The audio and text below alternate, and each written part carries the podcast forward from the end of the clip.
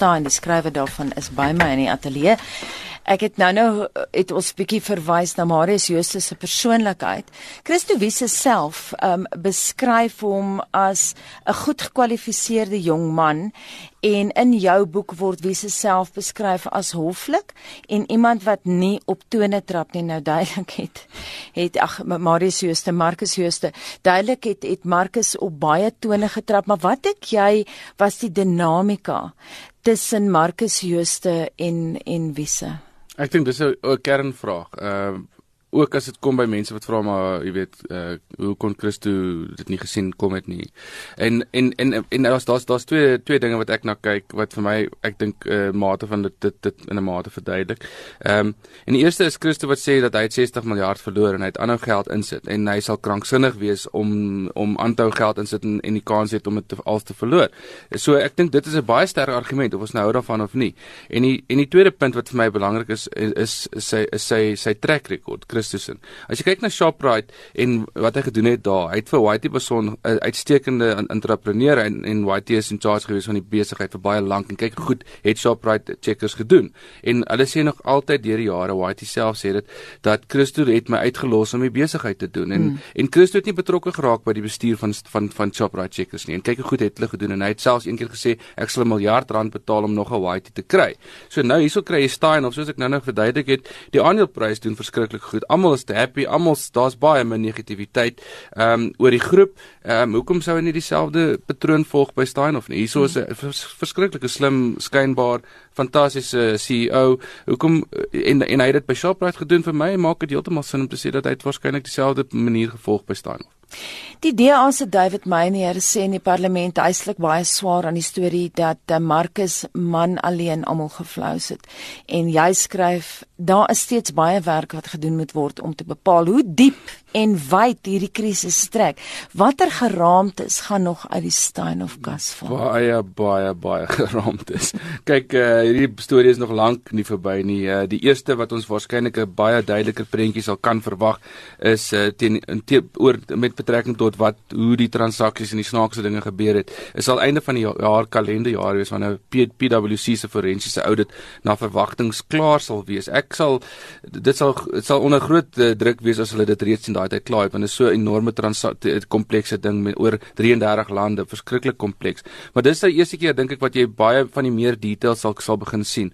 Maar daarna gaan die hofsaake sien. Ek dink die ouens gaan mekaar dagvaar heen en weer. Ehm um, dis verskillende lande betrokke en dan moet Marcus 33, nee? Ja, 33 lande. Dan moet Marcus nog sy verdediging begin. En uh, kyk, ek dink die ou hy hy is hy's nog baie wel af en hy het dit hy top regs ouens, hy het al klaar top advokaat aangestel. Ehm um, en ek ek dink dit gaan baie baie moeilik wees om om iemand um, binnekort vas te pen vir enigiets wat hierse betrokke is. Ek moet sê jy kyk nie net na die Stein of the Bakel nie, maar jy skets vir ons 'n prentjie van 'n heel ander wêreld as mens nou middelklas is of werkersklas. Dis net hierdie mense leef op 'n manier wat ons nie kan verstaan nie en ek wil hê jy moet vir ons die GT Ferreira storie vertel. Kyk, ek dit was uh ja. So so so hier's ouens wat baie hard gewerk het vir hulle geld en baie suksesvol was en baie van hulle woon in Stellenbosch. Terloops toevallig is maar die dis maar die dis maar die derde jy weet die die die area in die land waar die derde meeste uh, superryke mense woon. Die ander die meeste woon in Gauteng en dan die tweede meeste in Natal terloops en dan die derde meeste daar in die wynlande. So daar's ouens wat goed gedoen het vir hulle self en uh, eh, GT hou van hou van mooi karre en daar's 'n baie bekende superkarre uh, uh, uh, in die storie is dis 'n Maybach wat jy nie in Suid-Afrika kan kry nie en uh, hy het toe uh, gesê uh, rukkie gelede dat hy baie graag 'n Maybach wil hê en maar hulle sê te vir hom net as daar 5 ingevoer kan word of as daar mense is wat 5 van hierdie of dink 5 of 6 van die karre koop, kan ons vir jou een reël vir Suid-Afrika. Dis nou die vervaardigers. En uh, hy belde sy vriende rond en maar niemand het gewou buite in die dierkarry of hulle het nou nie so so keen op so smart karry. En uh, toe besluit hy wel uiteindelik te koop hy al 6 en hy deel toe later 5 van die karre vir sy vriende uit, net sodat hy sy sy hande op 'n Maybach kan kry. En ja, dis dis maar 'n prentjie van jy weet seker hoe jy jou jy weet jou jou welverdiende geld kan spandeer. En baie kwade gevoelens op Stellenbosch eens Marcus Jooste. O ja, ek dink daar's baie mense wat baie kwaad is, maar baie min mense wat bereid is om dit oop te openbaar. Snaaks genoeg, baie moeilik geweest om mense te kry wat regtig wil praat. Ek dink mense Afrikaners veral is skaam om te sê as hulle ingedoen is, ingeloop is, maar baie mense voel hulle is baie beslis ingedoen, ingeloop, baie geld verloor. Baie mense baie kwaad. Uh Janie Maton en en Marcus wat byvoorbeeld nie meer wyn saam maak en ek dink Janie Maton voel baie ingedoen. Ook Christo Wiese. Ehm um, so ek dink daar's ouens wat baie baie upset is. M maar weer eens daar's 'n lekker storie oor Janie Maton en die wynbottels. Wel, die storie loop, eh uh, die storie loop dat dat hulle ja, Janie Meton en en Marcus se plase is reg oor kan mekaar op pad Jonkershoek toe as jy so verby Lanserak ry, uit Stellenbosch uit, so amper na die regs, ver regs as jy so van Stellenbosch af inry. Dan ry jy verby Lanserak en dan seker so kilometer, 2 km verder dan kom jy by Marcus Jose se plaas aan die regterkant, Jonkersdrif. Aan die linkerkant is Janie Meton se plaas, Klein Gustro.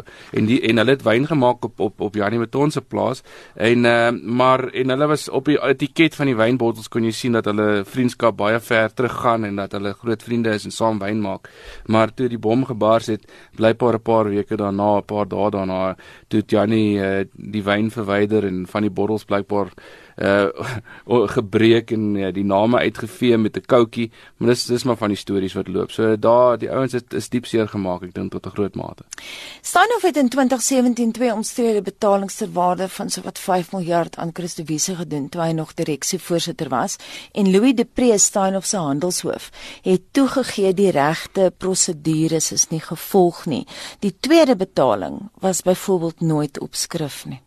Ja, dit het te doen. Kyk, en dis 'n interessante storie ook hoekom ek ingaan op die geskiedenis van Shoprite en Christ en en Whitey Boson. Dit hulle hulle hulle hulle, hulle Christus is bekend vir twee maatskappye, Pepkor en Shoprite. En uh, hy wou albei in Steinhoff hê uiteindelik en Pepkor is in 2015 in Steinhoff ingeneem, so dis deel van die Steinhoff groep en Shoprite was baie vinnig op pad om ook ingeneem te word. As dit nie vir Whitey was nie, was dit al lank al gedoen gewees. Dis 'n feit.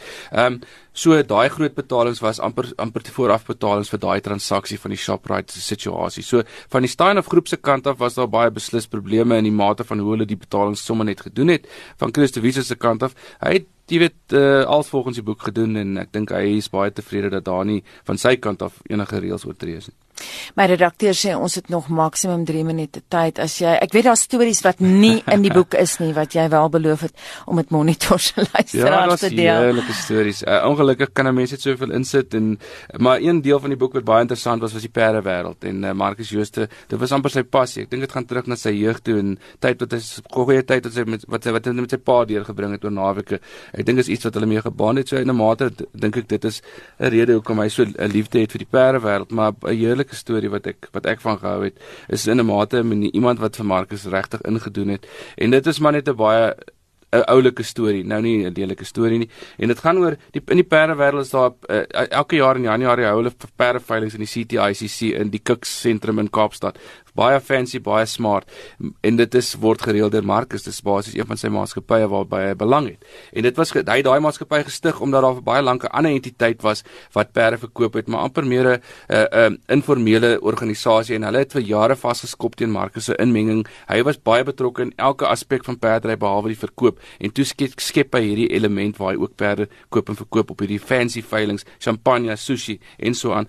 En toe reël hulle die miljoen dollar van in 2014 besluit hulle ons gaan die Afrika se duurste perde wedren nou.